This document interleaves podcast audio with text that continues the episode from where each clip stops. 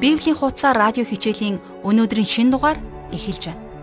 Өнөөдөр гудамжинд лаа зүшөглөөд явж исэн хүн маргааш гэхэд гинтхэн улсын ерөнхийлөгч болох боломжтой юу? Би хувьдаа хэлж мэдэхгүй байна. А гэхдээ өнөөдрийн бидний үзэх хичээлээр өглөө нь шоронгийн хоригдол байснаа оройн гэхэд улсын ерөнхий сайд болж чадсан нэгэн залуугийн тухай үргэлжлүүлэн үзэх болно. Энэ хүн бол мэдээж Йосеф шүү дээ. Энэ бүлэг бол шоронд орж тэнд мартагдж хаягдсан Йосефийн тухай өгүүлдэг өмнөх бүлгүүдээс огт өөр бүлэг юм. Тэр нь тохиолдсон бүхэн бурхны зорилгын дагуу байсан юм. Энэ бүлэгт бид Йосеф фароны зүүдийг тайлж улмаар шоронгоос суллагдж байгаа тухай үзэх болно. Үүгээрч зогсохгүй тэр Египтийн бүх газар нутгийг захирах захирагчулж, захирагч Оны охин Асинаттай гэрлэж Манасе Ефрам гэдэг хоёр хүүтэй болж байгаа тухай бид үргэлжлүүлэн үзэх болно. Ингээд хамтдаа Эхлэл номын 41-р бүлгийг үзэхээс өмнө Бурханд хандаж залбирцгаая. Бурхан минь, энэ өдөр та бидэнд өөрийн үгийг өгч таны үгээр амьдрахад бидэнд туслаарай. Таны ариун сүнсээр дамжуулж бид таны үгийг ойлгон ухаарч таны үгийг бид амьдралдаа хэрэгжүүлж таныг бид сүр жавхлантайгаар алдаршуулахыг хүсэж байна. Бид танд зүрх сэтгэл, ам амьдрал бүх зүйлээ даатгаж Есүс Христийн нэрээр залбирлаа. Амен. Харин одоо жаргал агшин ярианд анхаарлаа хандуулъя. За тэгэхээр өнөөдөр бид нэр Эхлэл номынхон 41-р бүлгийг үргэлжлүүлэн үзнэ. За тэгэхээр Йосеф фараоны сүнж талхчин хоёртой хамт шоронд хоригдож байсан тухай бид нар өмнөх бүлэгт өгүүлж байсныг таалав санаж байгаа.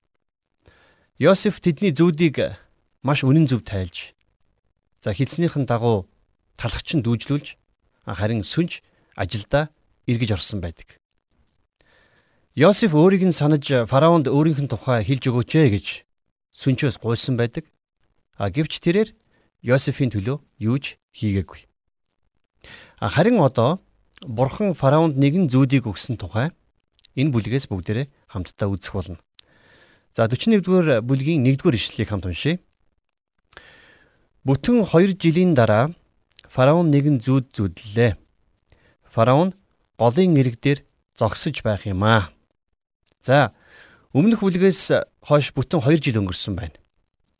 Йосеф энэ 2 жилийн турш шоронд байж за тэгээд ямар нэгэн зүйл тохиолдохыг хүлээж байсан. А фараон тэгвэл яг нэг ийм зүйл зүудэлсэн байдаг. За 2-оос 3 дугаар ишлэлээс харцгаая. Тэгтэл тарган сайхан долоон үхэр голоос гарч ирээд зигснээс идэж байжээ. Түүний хойноос бас өөр туранхай муухай долоон үхэр голоос гарч ирээд голын иргэдэх нөгөө өхрүүдийн дэргэд зогсжээ гэсэн байна. За фараон тарган сайхан долоон үхэр за бас эцэнхий туранхай долоон үхэр зүудэлсэн байдаг. За дөрөвдүгээр ишлэгийг харъя. Нөгөө туранхай муухай өхрүүд нь мөнөөх тарган сайхан долоон үхрийг идчихв. Тэгээд фараон сэржээ. За тэгэхээр фараон сэрээд за энэ зүуд ямар утга учиртай байсан болоо гэж гайхсан байгаа. За тэр зүүдэд тайлбарлаж мэдэхгүй байсан. За бас тэрэнд зүүдийг нь тайлж туслах хүн нэгч гараагүй байна. За 5-аас 8 дугаар ишлэгийг хамтдаа харъя. Тэрээр эргэж унтаад бас зүүдэлжээ. Нэгэн ишнээс өтгөн сайхан долоон тариан төрөө гарч иржээ. Бас түүний дараа дорны салхинд хатаж хорчийсэн долоон нарийнхан төрөө гарч иржээ. Тэгээд тэр нарийнхан долоон төрөө нь өтгөн сайхан долоон төрөөгээ залгичхав. Фараоныг сэртэл тэр нь зүүд байлаа. Өглөө түүний сэтгэл тавгуутж тэрээр зарлага явуулан Египтийн мэрэгч төлөгчд ухаантан мэрэгдийг бүгдийг нь дууджээ. Фараон тэдэнд зүүдэ ярьсанд түүнийг фараонд тайлж чадах хүн нэгч байсангүй. За фараон өөрийнхөө зүүдийг мэрэгч төлөгчд за ухаантан мэрэгдэд ярьж байх үед ахлах сүнж түүний яриаг сонсож байсан. Тэрээр фараоны ард зогсдог хүн байсан учраас хүссэн үедээ фараонд үг хэлж чаддаг байсан байна. За мэрэгд ухаантнуудаас нэг ч хүн өнөөх зүйлийг тайлж чадахгүй байгааг сүнж хараад фараонд ингэж хэлсэн. За энэ тухай 9 дугаар ишлээс харъя. Ахлах сүнж фараонд хандаж өнөөдөр би гимээ саналаа гэв. За их сонирхолтой. Хэдийгээр энэ үнэхээр гим байсан боловч за энэ бүхэн бурхны хангалт дотор байсан. За бид нар энийг санамсаргүйгээр нөхцөл бүрэлдэх. За хувьсгалын тохироо бүрдэх гэж нэрлэдэг. Харин Йосеф тохиолдсон хүнд хэцүү нөхцөл байдлыг тухайн үед ойлгох боломжгүй байсан ч гэсэн Бурхан тодорхой нэгэн зорилгын төлөө энэ бүхнийг тэрэнд тохиолдулсан. За одоо харин ахлах сүнж хаанд хандаж өө би шоронд байхдаа өөрийнх нь тухай танд айлтгаж өгнө гэж нэг залууд амласнаа сая саналаа. Тэр залуу нэрээ зүуд тайлж чаддгийм байлээ гэж хэлсэн байна. За тэгээд өөрт нь юу тохиолдсныг фараонд ярьж өгсөн. За энэ тухай 10-аас 13 дугаар ишлээс харцгаая. Фараон та зарц нартаа уурлаж намайг ахлах талагчны хамт ордны харуулын ахлагчийн байшинд хорж байхад тэр бид хоёр нэгэн шүн зүүд зүүдэлсэн. Бид хоёрын зүүд өөр өөр тайлалтай байсан. Тэнд ордны харуулын ахлагчийн зарц болох еврей залуу бидэнтэй хамт байсан бөгөөд бид түүн зүүдээ ярьсанд тэрээр бидний зүүдийг тайлж өгсөн юм. Тэрээр тус тусад маань зүүдэлсний дагуу тайлсанд түүний тайлсан ёсоор болж би хуучин ажилдаа эргэж ороод нөгөө маань дүүжлүүлсэн билээ гэж хэлвэ. За мань фараон үүнийг сонсоод энд байгаа хүмүүсээс нэгэн ч зүүдийг мань тайлж чадахгүй байдаг. Харин тэр залуу талхчин та хоёрын зүүдийг тайлбарлаж чадсан байна.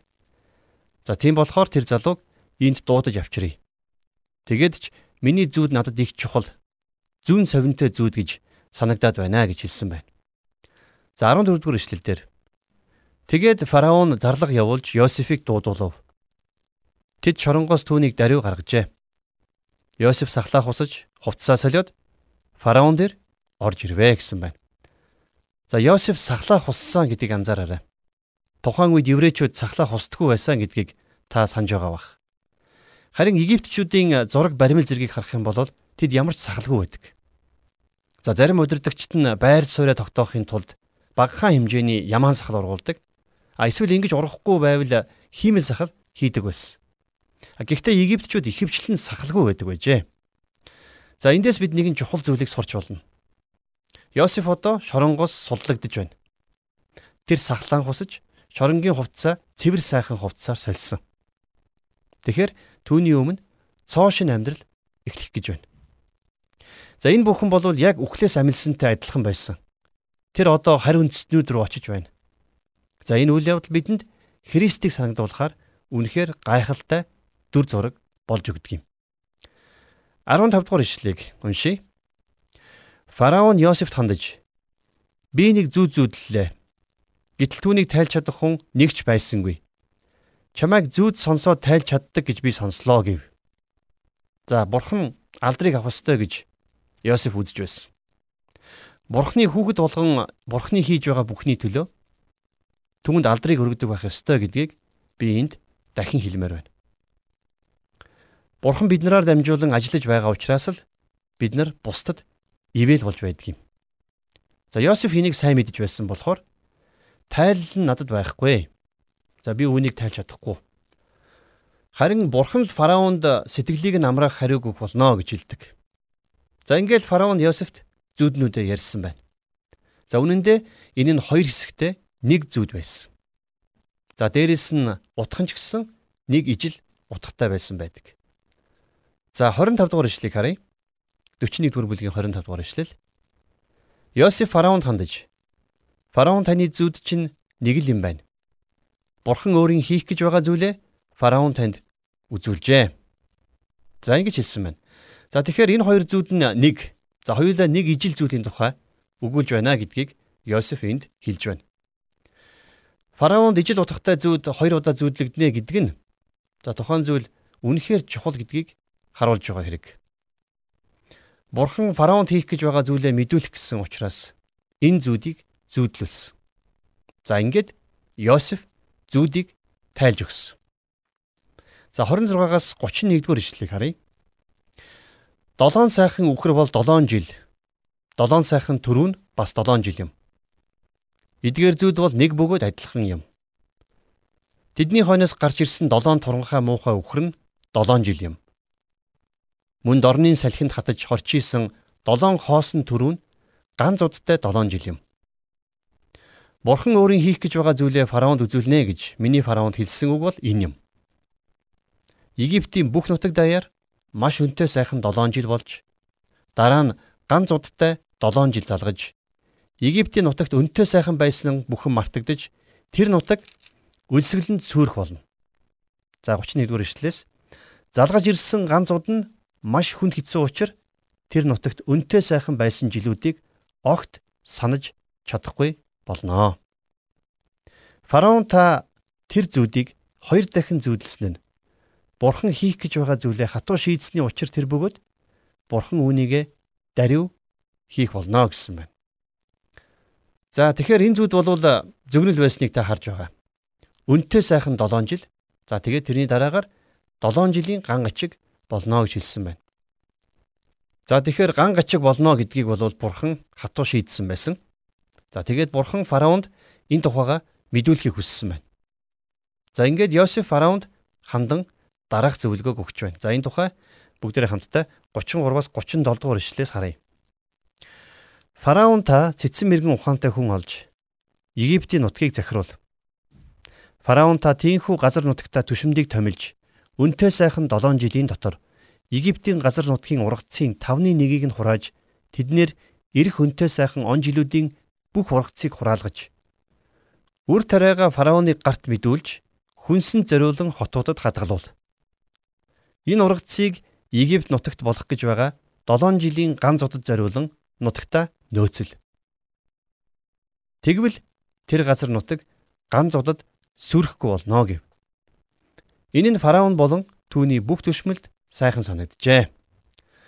За үнтэй сайхан 7 жилд ургасан бүх ургацыг ган гачиг болох 7 жилийн төлөө хурааж цуглуулах хэрэгтэй гэж Йосеф фараонд зөвлөж байна. За цааш нь харъя.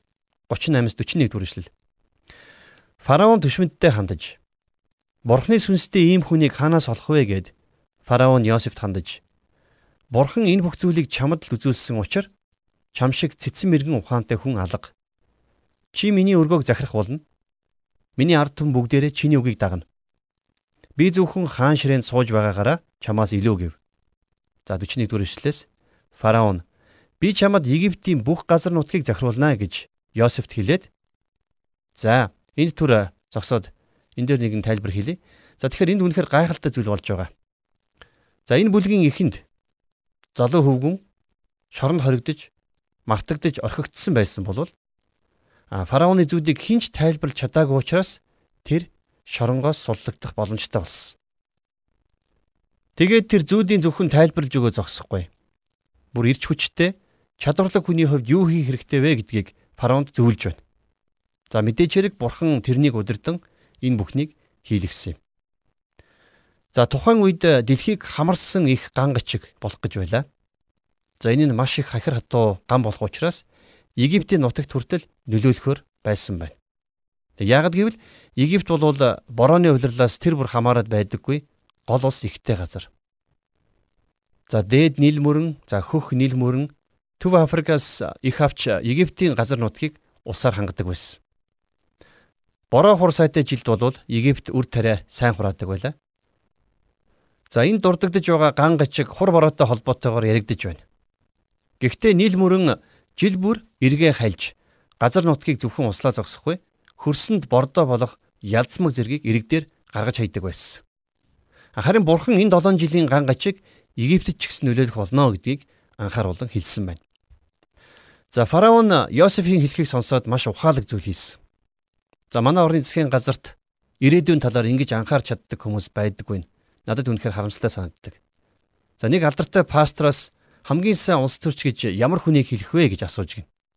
За тэр хариуд нь эх 50 жилд бурхны явах гэж байгаа тэр чиглэлийг мэддэг хүнийг хэлэндэ гэж хариулсан байдаг.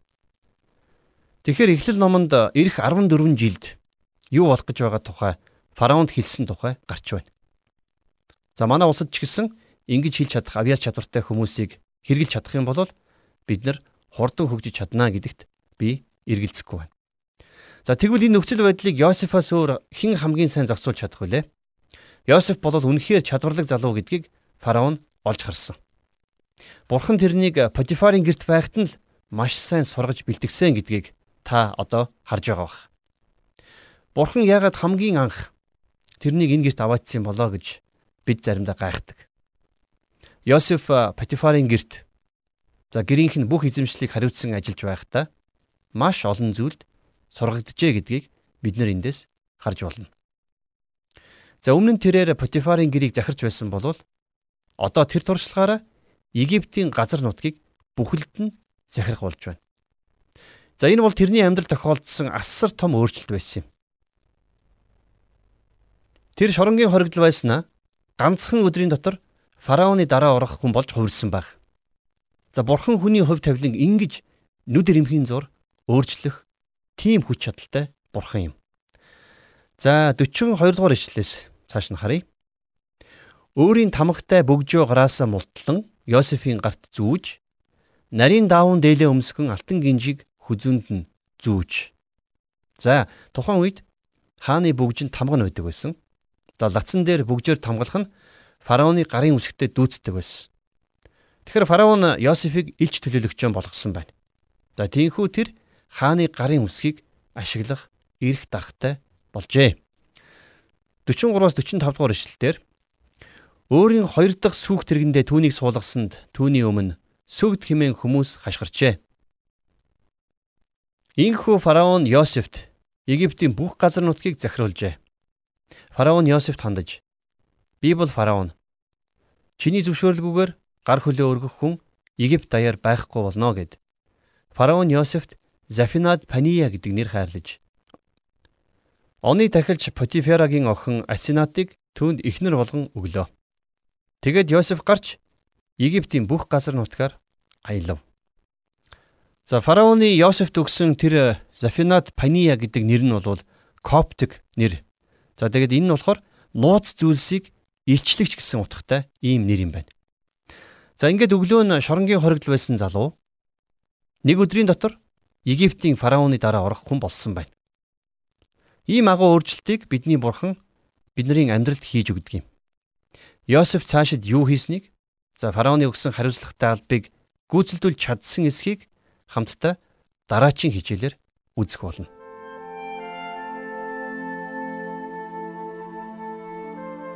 Энэ бол өчүүхэн хинчиш байсан нэгэн гів гинтхэн нэр алдар эд баялагын оргилд хүрч байгаа залуугийн тухай түүх юм. Йосефийн амьдралын энэ түүх шиг сэтгэл хөдлөж гайхшил төрүүлэн түүхийг би уран зохиолын номноос уншиж байгаагүй. Бурхны мотор түүний амьдралд байгааг бид энэ бүлгээс маш тодорхой харлаа. А гэхдээ Йосеф хүнд хэцүү үедээ ч Бурхан өөрийг нь харж хандаж байгаа гэдгийг мэдэж байсан гэдгийг та битгий мартаарай. Үнэн дээр тэр хүнд хэцүү үе нь тэрэнд ариун сүнсний олон чухал үр жимсийг ургуулсан үе байсан юм. Үүний нэг нь тэсвэр төвчээр юм. Шинэ гэрээний Ром номын 5 дугаар бүлгийн 3 дугаар ишлэлдэх зовлон зүдгүүр нь төвчээрийг төрүүлдэг гэсэн үгээр Йосефийн амьдралыг тодорхойлж болно. Йосеф хэдийгээр амьдралдаа хүнд хэцүү нөхцөл байдлуудыг туулж амьдрал хувь зайн хаашаа жиргэж болцшгүй тэрэл нөхцөл байдал донд Бурхны мутраас зураастай байсан юм. Тэр Бурханаас холдоогүй харин Бурханд илүү ойртож, Бурханд уурлаж гомдохын оронд тэр боломж гарахыг төвчээртэйгээр хүлээж байсан юм. Ийхүү бурхны товлсон цаг болоход бурхан Йосефийг босгож өндөрт өргөмжилж байгааг бид өнөөдөр үзлээ.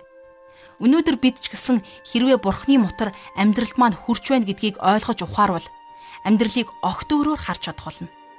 Хэрвээ та бурханд итгэж найдаж бурхны хүүхэд болсон бол бурхны мутар таны амьдралд гарцаагүй хүрч жолоодож өөрчилж өгөх болно гэдэгт итгээрэй.